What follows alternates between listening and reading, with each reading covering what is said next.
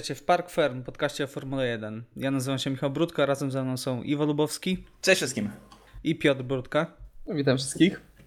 Mam za sobą Grand Prix Meksyku. Myślę, że całkiem ciekawy wyścig, e, zwłaszcza przez e, pierwsze czy czwarte.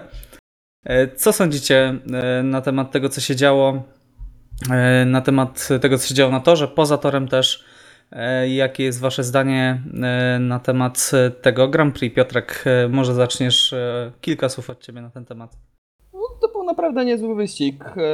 Trochę, no nawet był ten ostatni stint, już tak się wszystko ustabilizowało, nie było za dużo akcji, pomijając ten dosyć efektowny, efektowną próbę wyprzedzania Daniela Ricciardo na Sergio Perezie, która o małe włos się bardzo źle dla Australijczyka skończyła. E, Mieliśmy dosyć mocno chaotyczne pierwsze okrążenie i dużo walki w środku stawki przez, e, przez większą część wyścigu. E, No i co? Można powiedzieć, kolejny maj- majstersztyk strategiczny w wykonaniu Mercedesa. Ja naprawdę byłem pod wielkim wrażeniem, że Mercedes ściągnął Louisa Hamiltona tak wcześnie i że dali radę utrzymywać, że Lewis Hamilton zdawał radę dojechać na tej twardej mieszance do końca wyścigu, co koniec końców e, dało mu zwycięstwo w tym Grand Prix. E, No, jak powiedziałem o zwycięzcach, no to trzeba też powiedzieć o Hasie, który no, sięga na dobrą sprawę dna i powoli łapie ich Williams, jeżeli chodzi o tempo wyścigowe, także no, jest straszny zjazd tej ekipy niestety. Okej, Iwo, e, co byś powiedział na temat Grand Prix Meksyku? Tak, dla mnie był taki, nazwę to poprawny plus, bo nie było żadnego takiego momentu, który by mnie jakoś e, nieziemsko zachwycił, ale i początek, i środek, i końcówka były dla mnie, miały dla mnie te lepsze momenty, tak czy inaczej. Mam na myśli no, pierwsze okrążenie, które fakt było trochę chaotyczne, ale było co oglądać. Walka w środku, w środku stawki praktycznie przez cały wyścig, o czym już e, wcześniej Piotrek wspomniał. A sama końcówka, tak jak Michał powiedziałeś, no może ten ostatni stint faktycznie nie był zbyt ciekawy, tak e, ja cały czas siedziałem podemocjonowany, ponieważ miałem nadzieję jednak, że Hamilton nie da rady dojechać na tej twardej mieszance. Ogromny szacunek dla niego i dla Mercedesa za to, co się udało zrobić, ale cały czas miałem nadzieję, że zobaczymy walkę przy ostatnich okrążeniach. No tutaj się niestety trochę zawiodłem, no ale emocje dalej były. Tak, no trochę to przypominało Grand Prix Monaco, tak? Gdzie Hamilton Dokładnie. praktycznie już na samym początku za wcześnie zjechaliśmy, nie dojedziemy na tych oponach, to była zła decyzja, nie było oczywiście Bona, żeby go uspokoił, także jeszcze, jeszcze to było w jakimś stopniu potęgowane. A koniec końców Hamilton wykręcał świetne czasy po 40 okrążeniach ponad na, na tej twardej mieszance. I po raz kolejny Mercedes przechytrzył Ferrari, tak? Biorąc pod uwagę, że po pierwszym zakręcie była e, klasyfikacja no, dwa razy Ferrari, tak, z przodu, a Lewis Hamilton był, e, był w pewnym momencie za Carlosem Sainzem, tak? Tak, o tak, ile dobrze zgadza pamiętam. się, Na piątym miejscu był. I no to tylko pokazuje, jak świetny wyścig, e, jak świetną strategię zaplanował Mercedes. E, Tak, natomiast e, jeżeli mielibyście, e, wspomnieliście już o pochwałach, wspomnieliście trochę o e, naganach, to co, czy jeszcze byście, byście coś tutaj dodali? Ja na pewno dodałbym z mojej strony fantastyczny występ Sergio Pereza, który uskrzydlony dopingiem kibiców pojechał fantastyczny wyścig i dojechał na siódmym miejscu. Natomiast jeżeli miałbym kogoś zganić, Załogi pomyślmy. Tak, dokładnie. E, Było sporo tych błędów, jeżeli chodzi o pit stopy i sporo naprawdę wolnych zmian. E, Ciężko, ciężko mi tutaj wybrać jednego kierowcę, który tak strasznie jakoś zawalił. Max Verstappen myślę, e, że Max zawalił kolejny wyścig w ostatnim czasie i no nie pokazuje się z najlepszej strony, ale o tym na pewno będziemy jeszcze rozmawiać. Piotrek, kogo byś jeszcze wyróżnił, kogo byś zganił? E, Wyróżniłbym na pewno naszego rodaka Roberta Kubice, który prezentował bardzo dobre tempo. Swoją drogą to jest niesamowite, jaka jest sinusoida, jeżeli chodzi o tempo wyścigowe, o to jak się sprawuje samochód Roberta Kubicy. E, W piątek jedzie ok, jest 20 za Russellem, w soboty jest tragicznie i traci ponad 1,3 sekund, e, sekundy do Brytyjczyka, po czym w wyścigu nagle dobrze mu się jedzie i e, i ma lepsze tempo od niego koniec końców, także tutaj duży plus. Miło było zobaczyć pozytywny akcent ze strony Polaka, a na minus bym dał jeszcze Daniła Kwiata za ten wybryk na ostatnim okrążeniu. O, Tak. E, I zespół McLarena generalnie za to, że jechali na, po naprawdę bardzo mocne punkty i no i zawalili sprawę. Ale to właśnie było dziwne, jeżeli chodzi o McLarena, bo e, znaczy Lando po raz kolejny miał strasznego pecha, naprawdę. To jest jeden, z, myślę, z większych pech- pechowców e, na gridzie w tym roku. Natomiast Carlos Sainz powiedział, że oni w ogóle nie mieli tempa, kompletnie nie mieli tempa na twardych oponach i to było widać. Tak szybko zmienili z powrotem na mediumy ostatecznie. Tak, dokładnie. I, Carlos przez to wypadł w ogóle z punktów, bo to się na początku zanosiło na piąte miejsce, szóste miejsce ewentualnie, a skończyło się poza punktami, także na pewno bardzo e, rozczarowująca niedziela dla, y, dla McLarena, zwłaszcza, że pierwszy raz od 90 roku bodaj e, wprowadzili dwa samochody w Meksyku do Q3. Także taka huśtawka nastrojów e, w trakcie weekendu. Okej, y, Iwo, czy, czy masz jeszcze tutaj coś do dodania? Znaczy, Myślę, że kierowca, który gdzieś zasługuje ode mnie jeszcze taką wzmiankę na plus, e, bo chyba najbardziej zapamiętałem jego walkę, szczerze mówiąc, tego wyścigu, to jest Pierre Gasly. Przy walce z Carlosem Saincem i muszę przyznać, że tak jak wcześniej rozmawialiśmy o tych zmianach, e, poza, o zachowaniach, jakie są po zmianie teamów, tak uważam, że Gasly, to tylko ten wyścig to potwierdził faktycznie, nauczył się walczyć. I nauczył się walczyć, uważam, całkiem sprawnie. Wsadzisz go do Red Bulla i znowu Nie, no będzie ostatnio, ostatnio rozmawialiśmy chyba o tym samym, ale w tym momencie no, pek był taki, że Fetel był za nimi i musieli odpuścić. A ciekaw jestem, co by się po prostu dalej działo. Bo sytuacja była faktycznie niebezpieczna w pewnym momencie przy Blue Flagach. Dobra, Z to końców może Gasly powinien po prostu jeździć w Toro Rosso. nie opuszczać Toro Chyba, Rosso, bo tam chyba się sprawuje wyciągnęli te same dobrze. wnioski. Trzeba zapytać Helmuta Marka. Ciekawe, jaki tekst tym razem wymyśli. No Dobrze, to y, przechodząc już do creme de la creme, e, porozmawiajmy na temat e, tego, co się działo, właśnie rozgrywki strategicznej między Ferrari a Mercedesem. Czy waszym zdaniem to był powrót Grande Strategia, czy to raczej fantastyczne wyczucie Mercedesa zdecydowało o tym, że dwóch kierowców e, srebrnych strzał zawitaliśmy na podium? E, Iwo, jakie jest twoje zdanie w tym temacie? W trakcie oglądania wyścigu e, na początku dziwiłem się, dlaczego Fetel nie chce zjechać e, na pit stop po Charlu. W momencie, kiedy zjeżdżał, myślałem, że to jest faktycznie świetna strategia, że będzie miał świeże opony, że uda mu się w bardzo łatwy sposób e, dosięgnąć Hamiltona i uważałem, no, dla mnie było pewne, że Fetel ten wyścig wygra. Nie widziałem innej opcji. Więc e, przy tej walce e, pod sam koniec, no wydaje mi się, że tutaj nie jest to jakiś błąd e, Ferrari, które ostatecznie nie miało tak dużej straty do Hamiltona, tylko właśnie forma Mercedesa i forma Hamiltona na, tych na tej twardej mieszance, która podobno była aż tak bardzo zużyta. Bo w tym momencie nie wiem, kiedy można nazwać mieszankę Hamiltona za zużytą, naprawdę. Nie, trzeba poczekać na tą super dokładną grafikę od y, FIA, znaczy od realizatorów, tak? Tak, ale nie. Która po prostu pokazuje, tak, moim zdaniem za każdym razem, kiedy pokazują y, opony Hamiltona, to wszędzie powinno być 0%. Tak. Ale mówiąc zupełnie szczerze, ja tutaj nie dostrzegam jakiegoś olbrzymiego błędu. Największym błędem, największym problemem, który zaważył na, e, przede wszystkim na braku dwóch Ferrari na podium, to jest ten błąd pit stopie e, u Charlesa Leclerca. Natomiast w przypadku Vettela, jego pit stopu, jego strategii mi się wydawała dobrą y, z perspektywy widza. No tak, ale zobacz, mimo wszystko Charles jechał na prowadzeniu i Charla no, tym, tymi dwoma pitstopami też nieźle załatwili. To się zgadza akurat. Tak, w przypadku samego Charlesa jak najbardziej. Natomiast ja gdzieś przestałem już e, rozważać go jako zwycięzcę tego wyścigu, skupiłem się na Vettelu gdzieś już od połowy wyścigu i gdzieś tam starałem się bardziej ten temat analizować. Aha, czyli przyjaźń zakończona z Charlesem, Seb jest moim nowym przyjacielem, tak? Nie, a ja nigdy nie byłem super fanem Charla. Na początku pierwszym, przy pierwszym chyba e, naszym podcaście mówiłem, że jeżeli mam stawiać na któregoś z dwóch kierowców, to wtedy powiedziałem faktycznie o Vettelu. No potem trochę się zmieniło zdanie. Jak sądzi ich team, jak sądzi Ferrari. Natomiast no zepsuli. Leclerca faktycznie zepsuli. Okej, Piotrek, co sądzisz? Ja to się Grande?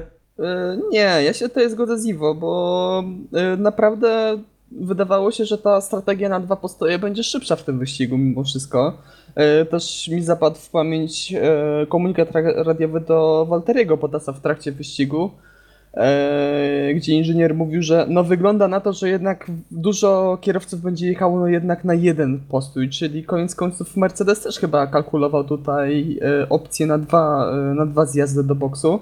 E, Też usłyszałem takie, że, takie zdanie, że Mercedes w trakcie wyścigu zauważył, jak dobrze e, sprawują się te opony na samochodzie Daniela Ricciardo. I dlatego postanowili tak postawi e, postawić na tą strategię w przypadku Louisa Hamiltona, że jednak e, w niedzielę te opony twarde sprawowały się lepiej niż wcześniej. Także tutaj naprawdę mi się wydaje, że to bardziej niż ta słynna już Grande Strategia, to po prostu było e, naprawdę fantastyczne. Kunszt Mercedesa, tak, tak? dokładnie, taki kunszt Mercedesa i takie e, reagowanie na bieżąco na tym, co się dzieje na torze, a nie takie iście w strategię, którą założyliśmy przed wyścigiem.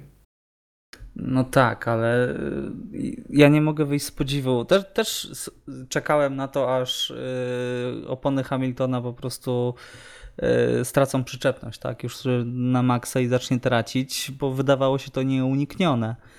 E, Ale czytałem taką wypowiedź, że Ferrari e, już po wyścigu, kilka godzin po wyścigu, że Ferrari jest teraz w drodze na lotnisko i nadal czekają, aż y, opony Hamiltona puszczą.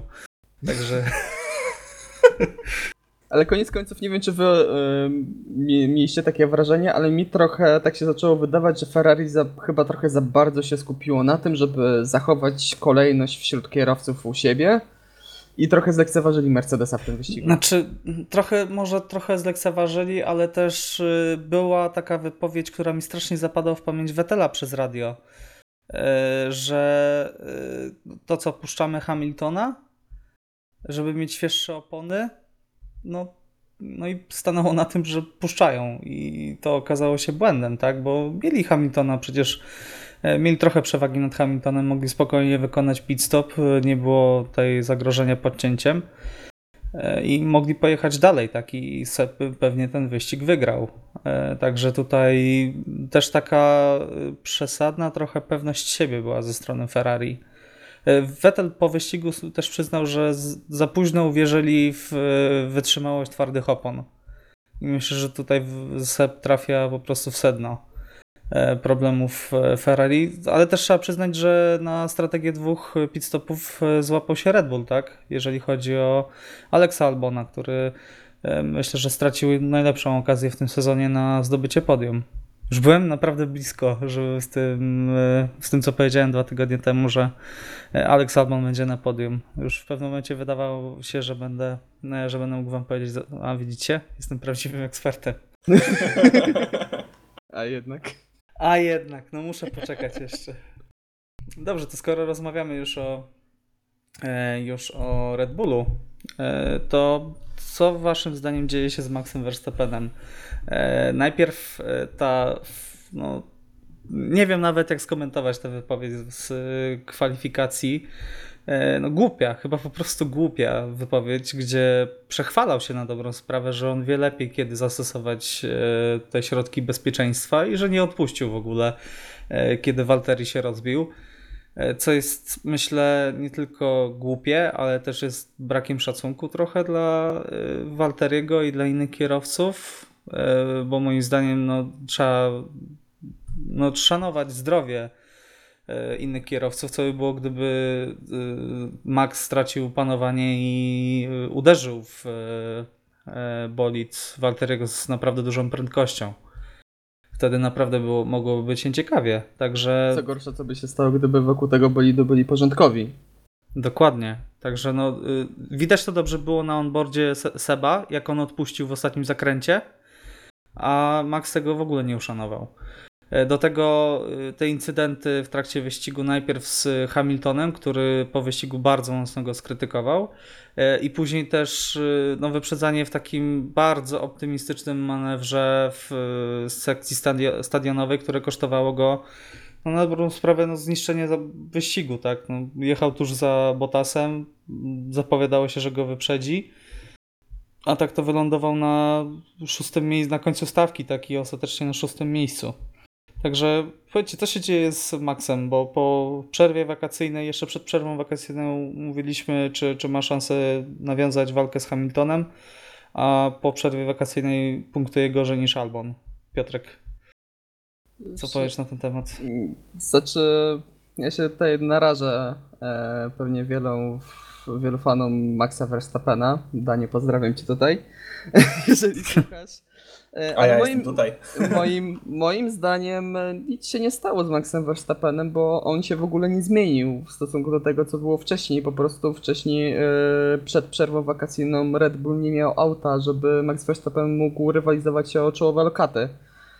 Byli w Nie no, takiej Piotrek wygrał dwa wyścigi z rzędu przecież. no dobra, to, ale teraz Red Bull jest o wiele częściej czołówki i bardzo często Max Verstappen w pierwszej części se- sezonu był w takiej strefie buforowej, gdzie był, jechał własny wyścig, był, miał za wolny samochód, żeby rywalizować z Ferrari i z Mercedesem. Był o wiele szybszy od swojego kolegi zespołowego, no i sobie po prostu dojeżdżał te wyścigi na dobrą sprawę. E, I moim zdaniem, to będzie dosyć kontrowersyjne zdanie, ale Max Verstappen nie będzie mistrzem świata. E, Jeżeli, no chyba, że będzie miał dominujący samochód, taki naprawdę mocno dominujący, bo po prostu on się gotuje w jakiejkolwiek sytuacji. Sam, tak jak powiedziałeś, sam e, Lewis Hamilton powiedział po wyścigu, bardzo mocno go skrytykował. Może to nie były jakieś bardzo dobitne słowa, ale bardzo rzadko się zdarza, żeby na tym poziomie kierowcy się tak otwarcie krytykowali. Powiedział, że niektórzy są, cytując, niektórzy są mądrzy i agresywni, a niektórzy są głupi w takich sytuacjach. I powiedział, że w przypadku Maxa, jeżeli nie zostawisz mu dodatkowego miejsca, bardzo prawdopodobne jest, że dojdzie do kontaktu. On działa jak magnes w takich sytuacjach. No, to bardzo dużo mówi. To jest bardzo dużo mówi i to jest prawda. No Max Verstappen w ogóle to jest też jego ogromny problem, że on nigdy, ale to nigdy nie widzi y, winy swojej w tym, co robi. Lepszym tego przykładem jest, y, jest y, kontakt z Magnusenem w trakcie wyścigu, gdzie tam próbował się wcisnąć, gdzie kompletnie nie było miejsca. E, Jak Magnussen był blisko wierzchołka zakrętu, to wtedy trącił przednie skrzydło yy, Maxa Verstappena, który był gdzieś totalnie z tyłu i przez radio jeszcze powiedział, że on po prostu we mnie skręcił. Tak. No, no a co do soboty, to szczerze powiedziawszy, no to, to jest po prostu popis głupoty i arogancji w wykonaniu Holendra, no bo też e, były głosy, że Hamilton powinien dostać karę, bo też mi się wydaje, że w tej sytuacji nie odpuścił, albo nie widać było tego, nie wiem, Mhm. ja nie widziałem kamery pokładu, nagrania z kamery pokładowej z tego okrążenia, ale Hamilton siedział cicho, a nie mówił, że no tak jak powiedziałeś, że no ja wiem kiedy odpuścić. No to jest skrajnie e, nieodpowiedzialne i Max Verstappen powinien się cieszyć, że nie dostał o wiele gorszej kary, bo moim zdaniem powinien dostać, dostać tą karę o wiele bardziej surową. Okej, no to z drugiej strony Iwo, no bo coś czuję, że masz trochę inne zdanie na Znaczy- ten temat. Co do soboty nie mogę się nie zgodzić akurat, no bo to jest po prostu przejaw y, czystej głupoty i arogancji. E, No przyznanie się do czegoś takiego, jak właśnie nieodpuszczenie na żółtej fladze, w dodatku wiedząc, że ryzykuje się stratą pozycji karą, tak jak mówiłeś Piotrek, no na szczęście, tyl, na sz- szczęście, nieszczęście, no tylko taką. E, W wyścigu, w którym ostatni raz w sezonie prawdopodobnie masz szansę na wygraną. Dokładnie. No to jest. No nie wiem, co trzeba sobie myśleć. Ja ogólnie lubię Maxa Verstappena pod kątem jego hmm, stylu jazdy. No właśnie, tutaj ja mogę podpaść. Natomiast e, podobają mi się właśnie e, jego manewry, kiedy wychodzą. No kiedy nie wychodzą. Właśnie, będąc przy tym, bo mam do Was pytanie. Wy, ty, Michał, miałeś chyba przede wszystkim zarzut do a, kolizji, do kolizji, może za dużo powiedziane, z Lewisem Hamiltonem na pierwszym zakręcie. Mhm. Natomiast y, to może mi wyjaśnicie, bo ja sobie tak na spokojnie analizowałem, sprawdzałem kilkukrotnie, czy z Tikama, czy, czy, czy z normalnej e, kamery telewizyjnej. Nie widzę tam jego winy i ciekaw jestem, co waszym zdaniem tam się zadziało, bo uważam, że on tam był po wewnętrznej i jakby to on miał prawo Ale, większe do tego no- zakrętu, bo tak się zastanawiałem po prostu, mówiąc zupełnie szczerze. Znaczy, szczerze powiedziawszy, ja, ja też obejrzałem kilka razy tę sytuację i moim zdaniem po prostu nie zostawił kompletnie miejsca Hamiltonowi. No ma cały... I Tak ja, ja rozumiem. Kontaktu, bo to tak wyglądało, jakby doszło do kontaktu pomiędzy Verstappenem a Hamiltonem. Znaczy powiem tak. y, W normalnej walce, gdyby to nie było pierwsze okrążenie, to okej, może to, to jest manewr na granicy, ale może by to uszło płazem, tak? Ale to było pierwsze okrążenie, gdzie wiadomo jaki jest chaos i ile czynników muszą wzią- wziąć pod uwagę kierowcy. Trzeba być trochę bardziej ostrożnym. E, I sam Luis powiedział, że tutaj nawiązał do tego, że Maxowi trzeba po prostu zostawić trochę miejsca, a tutaj nie mógł zostawić tego miejsca, bo tego miejsca po prostu nie było. Także błąd Maxa polegał na tym, że po prostu ścisnął za bardzo Luisa i tyle. No. E, Natomiast y, bardziej tutaj mój zarzut kieruje właśnie, jeżeli chodzi o kolizję z Bottasem, która była zupełnie niepotrzebna. Wyjeżdżał za chwilę na e, prostą startową z DRS-em i prawdopodobnie by go wtedy wyprzedził. A musiał się wciskać w zakręt, w którym nie widziałem chyba ani jednego wyprzedzenia przez cały weekend, e, ogóle, przez cały wyścig. W ogóle chyba w historii tej sekcji statinowej nie było tam manewru. No, nie, nie szedłem tak daleko, może by się coś znalazło. Może ktoś się wyprzedzał Williamsa tam. No, to było za, to było za odważne. Tak, natomiast no, w tym roku nie widziałem, szczerze powiedziawszy, takiego manewru w tym miejscu i te błędy się piętrzą, tak? I jak yy, zachwycaliśmy się Maxem w pierwszej części sezonu, bo jechał świetnie, tak yy, tutaj no, wracają te stare demony i yy, ja nawet się przychylę. Zaczynam się zastanawiać, czy Max w ogóle kiedykolwiek wydorośleje. E, tak, także e, no, szkoda by było, tak? Bo jest niesamowicie ut- utalentowanym kierowcą. Nikt e, to nie mówi inaczej. Ale chodzi o taką dojrzałość na to, że on już jedzie kilka lat. To już, jest, to już nie jest jego pierwszy sezon, nie jest jego drugi sezon. Niech y, zacznie w końcu wyciągać wnioski. Naprawdę. Bo y, tego mu brakuje i obawiam się, że jeżeli będzie miał bolid, który jest na takim samym poziomie jak Mercedes, e, to wtedy nadal może nie, zdoby, y, nie zdobyć mistrzostwa. no, też Przez, przez głupie swoje decyzje po prostu. Za dużo emocji. te- Też problemem jest moim zdaniem Christian Horner w tej sytuacji, bo ja jeszcze nie słyszałem, żeby Christian Horner e, kiedykolwiek e, skrytykował Maxa Verstappena. Za każdym razem, jak jest jakaś sporna sytuacja, jak jest jakiś kontakt, to e, stoi murem i myślę, że to też jest problem, że mm, no Verstappen też nie dostaje takiego mm, informacji zwrotnej z zespołu, że dobra, No, odpuść przegiąłeś trochę. teraz. Odpuść trochę. Przeginasz. Bo wyrzuca punkty, a za każdym razem jak jest jakaś takie sporna sytuacja na styku, e, to jest klepany po plecach, okej, dobrze, Max, ty taki jesteś, ty jeździsz tak Ale agresywnie. wiesz jest dlaczego okej. tak jest? Tak, bo nie mają innego kierowcę, no. I od zawsze był, zawsze był, no... To też są dosyć mocne słowa, ale mi się wydaje, że był trochę na takiej uprzywilejowa- uprzywilejowanej pozycji w całym programie juniorskim e, Red Bulla. Okej. E, Dosyć, t- trochę tutaj kontrowersyjnych słów padło. E, To porozmawiajmy może, zostawmy na razie Maxa. Ja jestem bardzo ciekaw, jak, e, jak zareaguje w następnym wyścigu w Stanach Zjednoczonych. E, To też, e, też może być e, ciekawe, e, ciekawa obserwacja Maxa. E, Czy będzie w ogóle jakakolwiek reakcja, czy pokaże może na przykład fantastyczną jazdę, nie popełni żadnego błędu i dojdzie na podium.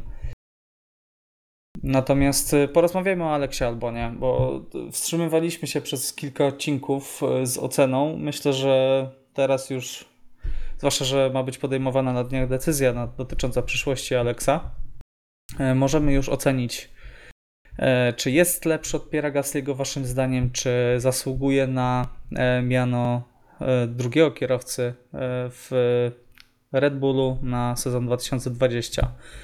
Y, Piotrek, jak byś ocenił występy Aleksa Albona po przerwie wakacyjnej? No nie jest dobrze. Co prawda też nie jest źle. Można powiedzieć, że jest średnio, szczerze powiedziawszy. No... nie no, tak poważnie mówiąc, to tempem nie dorównuje do Maxa Verstappena. Jest za nim regularnie, e, ale z drugiej strony nie można mu odmówić dojeżdżalności i zdobywania tych punktów. Na koniec końców od momentu przyjścia do Red Bulla zdobył więcej punktów niż Max, Max Verstappen, także to też tutaj trzeba, trzeba postawić duży plus e, obok Ale, Alexa Albona. E, Czyli co? Gasly w przyszłym roku z Znaczy, e, no- Albonem, tak? Znaczy no, nie no, no bo właśnie to jest taka trudna sytuacja, no bo z jednej strony no nie pokazuje czegoś mega Alex Albon, e, ale też nie, nie robi takich rzeczy, jakie robił Pierre Gasly. Nie wiem, nie, nie, jeździ, nie dojeżdża poza punktami, nie dojeżdża koło 8-9 miejsca i nie jest w stanie się przebić, kiedy Max Verstappen jest w okolicach podium. Tak, najdalej był szósty. Także-. No właśnie, także tutaj. No jest to tak właśnie takie średnie. No, jest myślę lepiej niż Gasly, ale bez, bez fajerwerków. I koniec końców myślę, że zostanie w Red Bullu, e, bo po prostu Helmut Marko jest uparty w, swoich pomy- w pomyśle swojego programu juniorskiego i nie weźmie nikogo spoza. Okej, a czyli Pierre Gasly zostanie w Toro Rosso, tak? Mm, O ile zostanie w Toro Rosso. U. Znaczy, e, dobrze się sprawuje, tak jak powiedziałem. No właśnie, to jest powinien paradoks jechać w Toro Pierre'a Gasly'ego. Tak, to jest paradoks, ale szczerze powiedziawszy, no, no już nie takie rzeczy widzieliśmy w wykonaniu Helmuta Marko, naprawdę. Jeżeli ktoś mu się trafi, to może po prostu kogoś wywalić i bez mrugnięcia okiem. E, Okej. E, m, Trzeba jeszcze zaznaczyć, że Alex często się rozbija w treningach. Chyba po E, rekord no. teraz. Już No. kosztów. Taka rywalizacja między nim a, Gaslym się toczy, korespondencyjna. E, Iwo, e, jak byś ocenił Alexa? E, Biorąc pod uwagę te ile? Sześć wyścigów? No, myślę, że dosyć łatwo można ocenić e, Alexa jako kierowcę lepiej jeżdżącego w Red Bullu niż e, Pierre. Właśnie z tego względu nawet, że no nie zajął niższej pozycji niż szósta do tej pory. No nie ma rewelacji. Tutaj się w pełni zgadzam z Piotrkiem, bo nie za bardzo może konkurować inaczej. Nie za bardzo konkuruje z Ferrari czy z Mercedesem. Myślałem, że zobaczę więcej walki w tym wyścigu. Niestety się zawiodłem. No i odnoszę wrażenie, że Red Bull po prostu postawi na niego jako drugi fotel ze względu na bezpieczeństwo tego wyboru, jakie w tym momencie ma. Bo no tutaj tylko mogę podsumować to, co mówiliście. No, dopóki nie e, zmienią e, swoich założeń pod kątem wybierania kierowców e, spoza swojego, swoich, sw- swoich juniorów, to no, nie ma kogo w tym momencie. Najzwyczajniej w świecie. No jest Daniel, ale on już swoją szansę miał. No chyba, że któryś z juniorów wystrzeli w programie juniorskim Red Bulla i wtedy... Nawet z końcem Będzie- października? Znaczy, no mówię, no nie na przyszły sezon, ale na jeszcze kolejny, bardziej już myślę w sezonie 2021. No dobrze. W takim razie Alex Albon tak średnio bym powiedział. Ale, ale wystarczająco średnio. 7 czy 6 na 10? Okej. Taki. No, znaczy wiesz, Gasly, y, znaczy Gasly. Gasly miał o tyle lepiej, że mógł przejechać y, całe testy zimowe, tak? I wczuć się w ten bolid i nie był wrzucony z dużą presją w swoim pierwszym sezonie y, w Formuły 1, także myślę, że też jeszcze trochę potencjału do odblokowania u, Alexa y, Albona jest. E, Tak, Dobrze, się zmienią w, przysz- w połowie przyszłego sezonu, no bez przesady. tak Co to za problem? Okej, e, dobrze, to porozmawiajmy, zostawmy już e, Red Bulla, e, porozmawiajmy o Williamsie. Mieliśmy bardzo ciekawy wyścig, chyba najciekawszy w tym sezonie, jeżeli chodzi o e, pojedynki w Williamsie. E, Mieliśmy Roberta, który wyprzedził George'a Russella na pierwszym okrążeniu. E, O dziwo utrzymywał się przez cały wyścig, jechał naprawdę bardzo dobrym tempem. Po czym mieliśmy nieudany pit stop Williamsa, świetny manewr wyprzedzania, który już stał się hitem w internecie z różnym podkładem muzycznym, co też oglądaliśmy przed, przed nagraniem, także polecamy Wam sprawdzić, e, w, poszukać w internecie tego. Mm, Mieliśmy też e, bardzo kontrowersyjną decyzję e, o zdjęciu Roberta na e, kilka okrążeń przed końcem e, do boksu e, z powodu e, rzekomego e, kapcia w oponie czego Robert w ogóle nie czuł. Także e, mieliśmy też po wyścigu już e, pretensje George'a Russella do zespołu. E, także co się dzieje z tym Williamsem? E, odcinek e, 762. E, Piotrek, e, może rozjaśnisz nam nieco sytuację. Czy Twoim zdaniem e, Williams mógł się posunąć do tego, żeby ściągnąć Roberta tylko dlatego, żeby nie skończył przed George'em? Biorąc pod uwagę, co się działo już w tym sezonie, to w ogóle bym się nie zdziwił i nie byłbym jakoś zaskoczony i mocno już oburzony, bo nic mnie nie zdziwi na dobrą sprawę ze strony Williamsa. Już osiągnęli totalne dno, jeżeli chodzi o Formułę 1. Ale w tej akurat sytuacji e, nie jestem do końca pewny, czy to naprawdę było już aż tak perfidne, bo Pirelli potwierdziło, że w tej oponie był kawałek e, włókna węglowego. E, I też tutaj, no ale też e, pytanie, czy ten kawałek naprawdę doprowadził do przebicia opony. Tego się nie dowiemy, to wie tylko zespół i możemy tutaj tylko dywagować. Jeszcze powiedziawszy, jestem w stanie uwierzyć, że mo- mogli specjalnie ściągnąć Roberta Kubicę.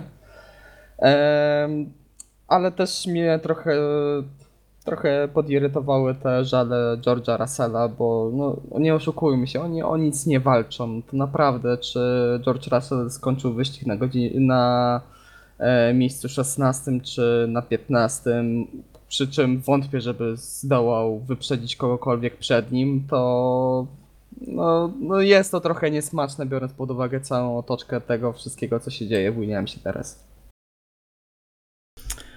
Okej. e, A Iwo, jakie jest twoje zdanie na ten temat? E, Czy- Była ta, był ten kapyt, czy nie było? Znaczy powiem tak, mógł być, mogło go, nie, mogło go nie być na dobrą sprawę, natomiast mieli dobry pretekst dla mediów i... Można O dziwo, się... tym razem mieli pretekst dla mediów, tak? Dokładnie, dokładnie. Można tym się wyłgać. e, No, ja chcę wierzyć, że to naprawdę był kapeć, że naprawdę tego nie zrobili. Mm, Gdzieś znaleźć jakąś naprawdę iskrę jakiegoś, jakiejś empatii dla tego zespołu. Ale no nie jestem w stanie, po prostu nie jestem w stanie. Nawet mnie to nie zdziwiło, jak zobaczyłem e, Pit przy nazwisku Roberta e, na, ta, na tabeli, więc jestem już powoli, powoli jestem zrezygnowany i zupełnie obojętny. Ja chcę, żeby ten sezon się dla nich skończył i z nadzieją, że pokażą coś więcej w przyszłym. Chociaż czy mam już nadzieję? Czy aż tak Nie, mi zależy? ja- ja Teraz już- ja już teraz nie mam nadziei. Nie, nie. Ale to już było, no, to już było, to była taka wisienka na torcie, można powiedzieć, tego, co, co, co się kumulowało przez cały sezon. Jak dla mnie. Znaczy, na pewno był to jeden z najlepszych wyścigów Roberta w tym sezonie. Tak, co do tego to nie mam żadnych wątpliwości. No, Czapki z głów, dawno, naprawdę. dawno tak się nie zaparłem w fotelu, jak e, to było pokazane, jak to faktycznie było pokazane. Jak pokazywali Williamsy, to znaczy, że coś się fajnego stanie, no i się stało. Ku uciesze naszej, prawda? nie Brytyjczyków. Tak, dokładnie. E, natomiast ja kompletnie też nie rozumiem Russella. E, odgrażał się, że mieli tempo, miał, że miał dużo lepsze tempo i e, mógł walczyć z zespołami przed nimi. No come on. No nie wiem. Wiem, że wyprzedziłeś Grożana, ale bez przesady. Nie, mógł mieć lepsze tempo, ale jeżeli miał tak dużo lepsze tempo, to czemu nie wyprzedził Kubicy? Przecież nie było tak, że zespół mu zakazywał tutaj e, wyprzedzania Roberta. E, Nie było żadnych team orders e, w stronę Polaka. To by była sensacja dopiero. Team. Orton o 17 miejsce. Tak, dokładnie. Dlatego też no, nie rozumiem tego kompletnie. To, takie, takie też wymuszanie na zespole za wszelką cenę w każdej sytuacji. E, ja jestem kierowcą Williamsa na przyszły sezon i macie mnie tutaj traktować tak, że w każdym wyścigu mam być przed Robertem. Mm, Bo tak mówię. Bo zaraz poleci do nas do Toto i, i się pogniewamy. i Silniki będą droższe. Także no, brakuje już trochę słów, prawda? Jeżeli chodzi o No, Williamsa w tym roku. Trzy wyścigi do końca i już koniec z tym śmiesznym zespołem, bo naprawdę mam dość. Już szczerze powiedziawszy, nawet jak zobaczyłem te 1 i 3 w kwalifikacjach w sobotę, to w ogóle jakoś. No sam nie- nie Robert wywarło- to nie świetnie skomentował. Na mnie, na mnie wrażenie, że tak spojrzałem, okej, w ten weekend aż tyle, no życie. Tak, no. Sam Robert powiedział, że chyba się lepiej wyspał w niedzielę, dlatego miał lepszy bolid. Także życzę Robertowi, żeby się dobrze wyspał w ten weekend. Uwielbiam już- ironię Roberta. Tak, w wywiadach. To jest przez całą, przez całą karierę. To jest po prostu nieodłączny element wywiadów z Robertem Kubicem. no, no ale coś w tym jest. No, Robert w trakcie, w trakcie wyścigu uzyskał czas tylko pół sekundy gorszy od y, czasu w kwalifikacjach. Jadąc w wyścigu. To jest niedorzeczne, to, to nie jest możliwe, no nie oszukujmy Mając się. jeszcze y, konieczność y, lift and coast i bez używania DRS-u. Także pozdrawiam serdecznie. Dobrze, zostawmy już Williamsa. E, Zostawmy e, brytyjski zespół. Porozmawiajmy o francuskim zespole. E, Mieliśmy aferę, prawdziwą aferę hamulcową ze strony Renault. Rozmawialiśmy na temat tydzień temu, już była informacja o donosie ze strony Racing Point. Donos okazał się potwierdzony. E, Renault zostało wykluczone z wyników o Grand Prix Japonii. E, Mimo tego zanotowało bardzo dobry występ, e, zwłaszcza w niedzielę, bo w sobotę nie weszli do Q3. E, Także jak skomentujecie aferę hamulcową? Zwłaszcza, że e, Renault, e, Cy- Cyryl e, powiedział, że e, oni mają rację w tej kwestii, ale nie będą się odwoływać. Piotrek, jak to skomentujesz? Taka klasyczna Formuła 1, prawda? Tak, taki typowy Cyril i szczerze powiedziawszy, to mi się bardzo mocno wydaje, że to była taka kara. Takie dali karę, bo musieli, żeby Tak. nie dołożyć większej kary Renault, bo wtedy Renault, y, ten główny koncert zarządzający mógł powiedzieć, dobra, zawijamy manatki, wychodzimy z Formuły 1, nie opłaca, y, nie opłaca nam się to. E, Bo jednym z dowodów w tej sprawie była nagranie z kamery z perspektywy kierowcy z testów w Barcelonie przedsezonowych. Tak, też to, To wiedziałem. Nie chce mi się wierzyć, że Renault wyciągnęło to na Japonię z powrotem i dobra, teraz jedziemy z tym, może jednak teraz się uda. Nie jechaliśmy z tym przez cały sezon w ogóle. E, Ale koniec końców e, też to nie e, tak strasznie nie ugodziło w Renault. Tak spodziewałem się, że jeżeli dobra dostali tą karę, będą musieli z tego zrezygnować, no to spodziewałem się takiego mocnego obniżenia lotów, jeżeli chodzi o Renault, jeżeli chodzi o ich tempo. No, ale- widziałeś hamowanie Daniego To Ricciarda. chciałem to powiedzieć, nie zdobyliście balansu. Tak. to też było widać, no ale z drugiej strony tempa nie stracili, z czego osobiście mimo wszystko jestem zadowolony, bo nie wiem, bardzo lubię Danie, Daniela Ricciardo i też mimo wszystko, pomijając szefa, to bardzo lubię Renault i życzę im jak najlepiej. A Nadal wspominamy fantastyczny 2010 rok. Tak, no właśnie, taki sympatia bije cały czas chyba ze względu na ten 2010 rok. No i testy na Węgrzech, tak? W 2017. No, no, no jest jakaś sympatia. Też jak e, pierwsze moje kroki z Formułą 1, jak oglądałem te e, niebieskie e, bolidy Renault w, e, i za kierownicą Fernando Alonso, no czuję nostalgię po prostu trochę do tego zespołu. Okej, e, Iwo, jak ty skomentujesz e, występ Renault? E, Było dla ciebie zaskoczeniem, bo dla ciebie to chyba taka pierwsza duża afera w Formule 1, od kiedy oglądasz. E, tak, i bardziej zaskoczony jestem tym, jak przeszła może nie tyle bez echa, co konsekwencje są faktycznie małe, bo no, można powiedzieć, że Renault ma w tym przypadku dużo szczęścia.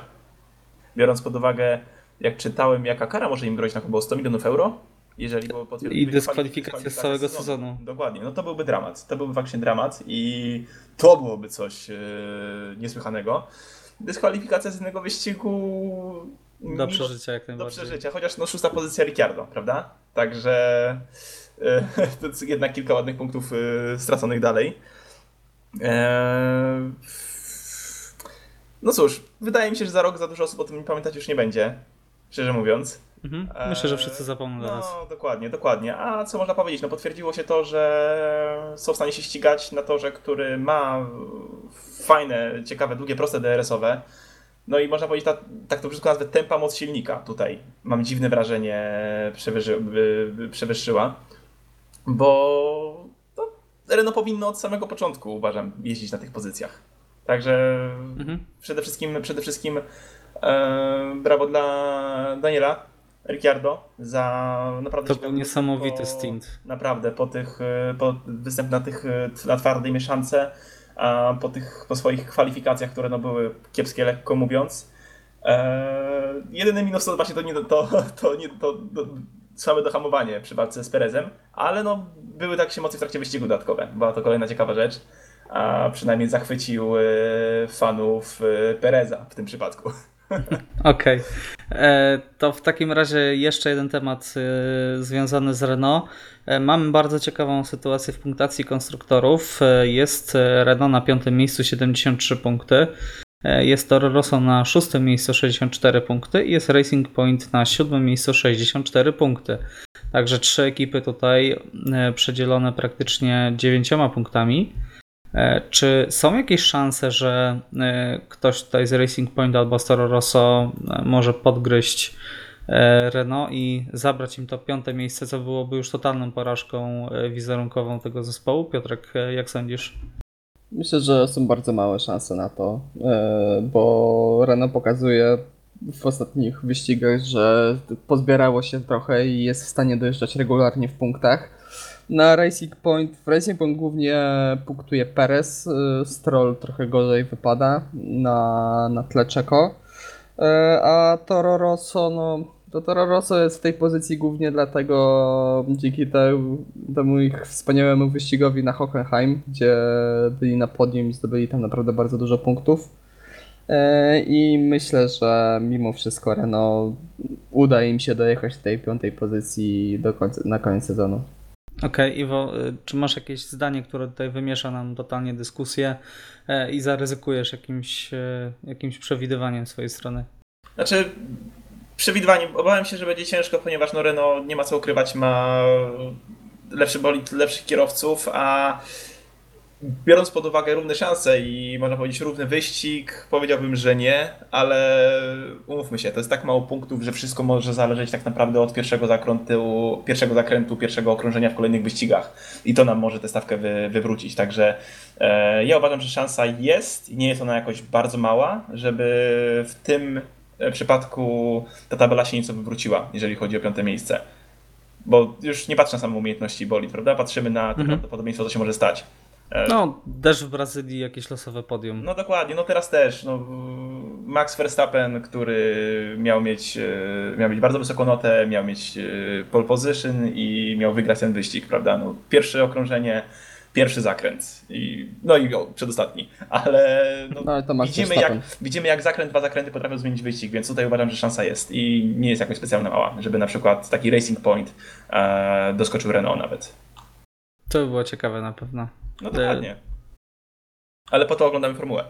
Dokładnie tak. E, to jeszcze kilka informacji tutaj na sam koniec, e, przed zapowiedzią e, Grand Prix USA, które już w ten weekend. Rozmawialiśmy ostatnio o nowym formacie kwalifikacji, który był wtedy plotką. Plotki się potwierdziły, miało to być głosowane. E, tylko, że było nawet głosowanie. E, Rozbron bardzo się ciekawie na ten temat wypowiedział, że to było klasyczne zagranie w Formule 1. E, w dyskusjach wszyscy się zgodzili, przyszło do głosowania, dwie ekipy powiedziały, że nie. I czytałem tuż przed rozpoczęciem podcastu, że Toto się przyznał, że zagłosował przeciwko. Trudno się zresztą mu dziwić, tak? W kwalifikacjach ma zapewniony pierwszy albo drugi rząd, albo trzeci w najgorszym razie. E, natomiast w takich kwalifikacjach jechałby z ostatniego miejsca e, w krótkim bardzo wyścigu. A zrobił to, uwaga, uwaga, żeby zachować DNA Formuły 1. Dziękujemy, okay, Toto. Okay. Co byśmy bez Toto zrobili? bardzo. Czyli możecie być e, wdzięczni Toto za to, że tak dba o nasz sport. Jestem w stanie, szczerze powiedziawszy, się założyć, że drugim zespołem było Ferrari. Tak. I też jestem naprawdę praktycznie w 100% Zespoły z historią. Że, tak, i oni dbają, dbają właśnie o DNA Formuły 1. No, to też pokazuje duży e, problem tego sportu, że zespoły mają zdecydowanie za dużo do powiedzenia, jeżeli chodzi o reguły i generalnie o regulaminy techniczne i tak. sportowe. Zwłaszcza, że tutaj potrzebna jest jednomyślność. Come on. No dokładnie. No, to jest niemożliwe. Aż, aż przypomina mi się lekcje historii Polski Sejm z XVII wieku. To w żadnym sporcie by to nie działało i żeby wziąć dajmy na to pięć najmocniejszych zespołów z największymi budżetami i niech oni decydują.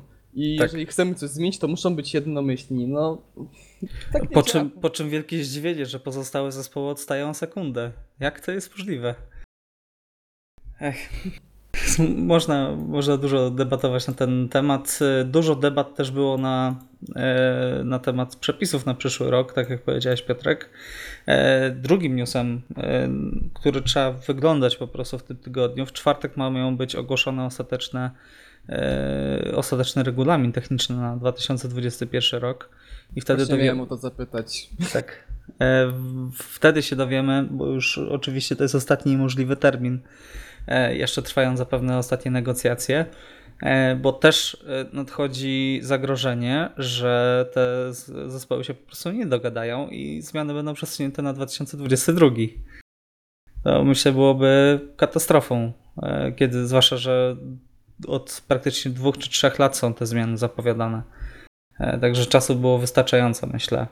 Także trzeba, jeżeli jesteście E, pasjonatami Formuły 1, a musicie być pasjonatami Formuły 1, jeżeli oglądacie, e, oglądacie, słuchacie naszego podcastu, e, to wypatrujcie informacji w czwartek. Na pewno będą już pierwsze wizualizacje bolidów i pierwsze komentarze. Sam jestem bardzo ciekawy, na co tam wpadli. Czy utrzyma się ta koncepcja z, z zupełnym wywróceniem, jeżeli chodzi o sposób otrzymywania docisku. Będzie, będzie cały długi weekend do analizy. Tak, dokładnie. Na, na pewno będzie to jeden z głównych tematów ten weekend. Jako, że mistrzostwa już praktycznie są rozstrzygnięte, tak? Nie wiem, co by się musiało stać, żeby Lewis nie zdobył mistrzostwa, chyba musiałby przestać. Trzy manacje e... pod rząd. tak. I Bottas 2-0 w każdym z wyścigów. Tak. Nie no, Lewis musiałby zrezygnować z dalszej jazdy, żeby się skupić na ratowaniu planety. Także. E... Oj, upuściłeś mikrofon. tak. No, myślę, że Kimi Raikkonen to najlepiej skomentował. E, jeżeli jesteście ciekawi, jak to zrobił, to, to, to wyszukajcie tę wypowiedź. Na pewno jest to warte y, przeczytania. Y, natomiast nie przedłużając już, żebyśmy też nie gadali tutaj za długo. Grand Prix USA ten weekend. Szczerze powiedziawszy, jeden z moich ulubionych torów w kalendarzu. E, zawsze się coś ciekawego dzieje. E, zdarzał się chyba też, o ile mnie pamięć nie myli, bardzo fajny deszczowy wyścig kiedyś. E, także jakie są Wasze przewidywania? Kto Waszym zdaniem wygra kwalifikacje? Kto Waszym zdaniem będzie najlepszy z Formuły 1? Kto wygra wyścig? Bo myślę, że trzeba to też tutaj powiedzieć. Także Iwo, jakie są Twoje przewidywania?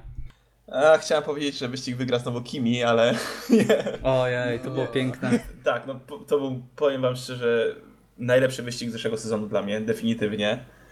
Nie Baku?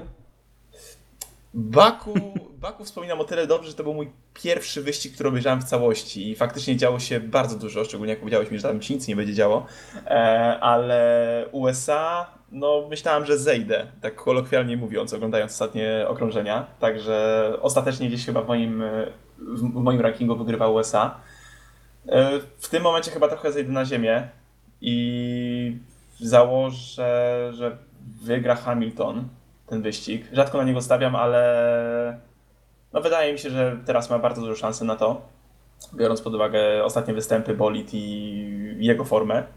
Okay. Jeżeli chodzi o Formułę półtora, no, chciałem powiedzieć Carlos Sainz, ale nie, nie wiem jak z tymi oponami.